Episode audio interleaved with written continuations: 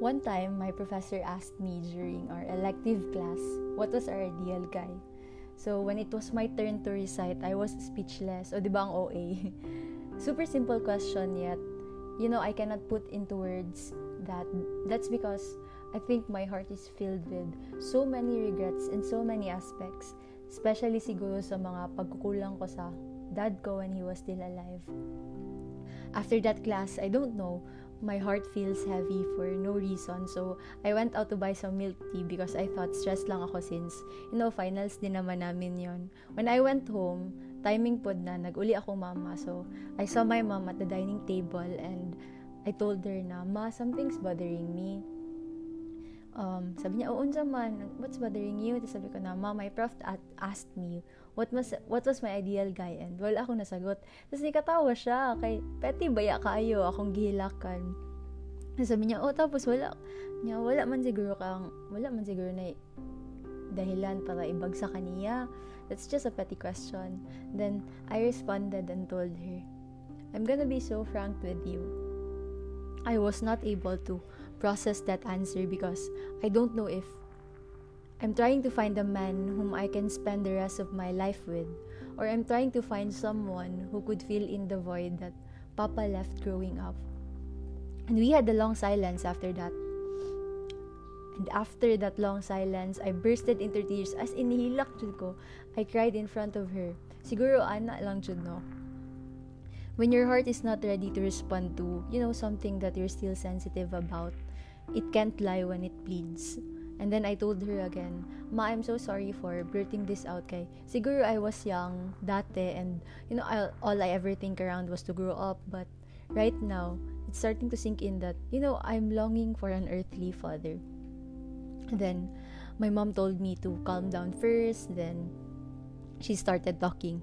Tas, sabi niya sa akin na, you know what I prayed to God, anak?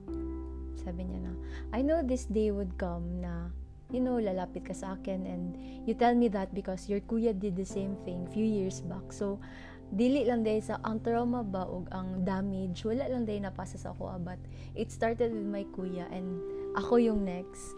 I only asked God one thing, sabi niya sa akin.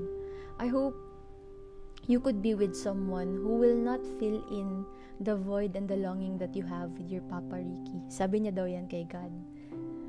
But I pray to the Almighty Father that He would give you the grace or He would gra- give grace to that guy to make you feel that you know you're not a hard person to love.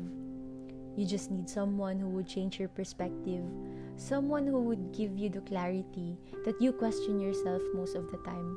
Which is true because I think right now I, I lack the clarity of what love should be because you know I grew up seeing the wrong perspective of it. Maybe for me before, I thought love was enough to make a person stay, but truth to be told, as cliche as it may sound, love hurts and it does not only contain affection itself.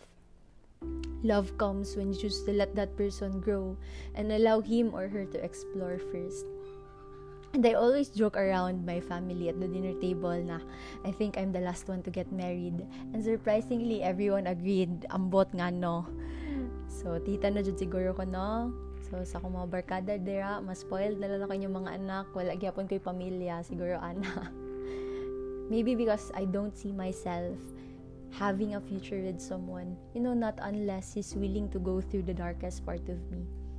When I see the darkest eye, guys, grabe jod. Naa pa siguro ko issues na I'm not really open or I'm not I'm not that open pa and I don't want someone to come in first right now. And no one is there to be there yet since nasa first stage pa lang kanang they already proved themselves unworthy of coming in. But you know, it's so important to find yourself before enter entering a relationship because if you're not completely contented with the things that you have, how much more to the relationship that you want to be in? And sad lang jud nowadays no how you know some couples, especially the married ones, uh, they file a divorce or an annulment for so many reasons and we can't we can't blame that we can't blame them for that but i find it so sad how both of them know, end up in court and fighting, not thinking that upon entering the marriage, they promised each other in front of the altar. They fr- promise in front of God and still end up like a stranger. You know, as if they have not built something together.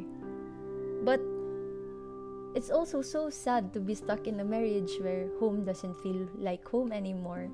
It's filled with abuse, it's filled with regrets, it's filled with issues, it's filled with addiction that they are not willing to surrender. And that's frustrating, especially when already when you're already starting a family. But how can a family work when the foundation is already unstable? Trust me when I say that the result of a broken marriage is the first reason why some children find themselves lost in the wilderness of life. You can't blame them for the trauma, and I know it's not an excuse for them to hurt others in return, but I hope some would realize that things before entering marriage. Love is patient as it should be, as it should be kay title. Looking back, I always dream of having a perfect family. You know, the one whom I, whom I can look up to, the one whom I can shelter my safe zone with, the one whom I can whom you know whom I can prove to the world that love is easy and it should be all butterflies running around the corner. Oh, hopeless romantic guys, but you know what it taught me instead. Love is patient when you wake up in the middle of the night and you hear your parents fight. It's instead of going back to sleep, you crawl with all your strength to the bedroom of your siblings and tell them all is gonna be well. Love is patient when you see your mom lost inside the marriage but still managed to get herself through for her children. Love is patient when you see your dad trying to change for the better and find peace within himself. Pero siguro sometimes no, it's not the change that we expect to see. Maybe change happened when he entered heaven and found us in the arms of the one who would heal him. Okay, lakon ko. Um, maybe love is patient when I surrendered to God, when everything was taken away from me. Love is patient when you try to when you try your best to serve others even if it means sacrificing for the people that matters to you. Lastly, no love is patient when God tells you to achieve peace within yourself first. And when you're genuinely at peace, that's the time God will allow you to find connection with others. That night, when I opened up to my mom about the incident during our class, oh, eh, kung baka incident, question lang good to sa resin. You know, I locked myself inside the room, my room and told God, Lord, I hope you give me the signal. I hope if you give me the signal to be in a relationship, my future partner would be willing to go through storms with me because I am such a complicated, sensitive, and hard person to love. Siguro, one thing that I realized during my almost first relationship, pero di man naging kami though, and thank God that I was not able to experience my first relationship with so much issues that needs an individual fixing. I realized na it's not my duty to fix someone kasi siguro dati I thought if you love someone, you fix them. Kaya I saw how my mom tried to fix my dad but still ended up with a broken marriage konti na lang natira para sa iyo, ibigay mo na yan para sa sarili mo at wag na sa iba.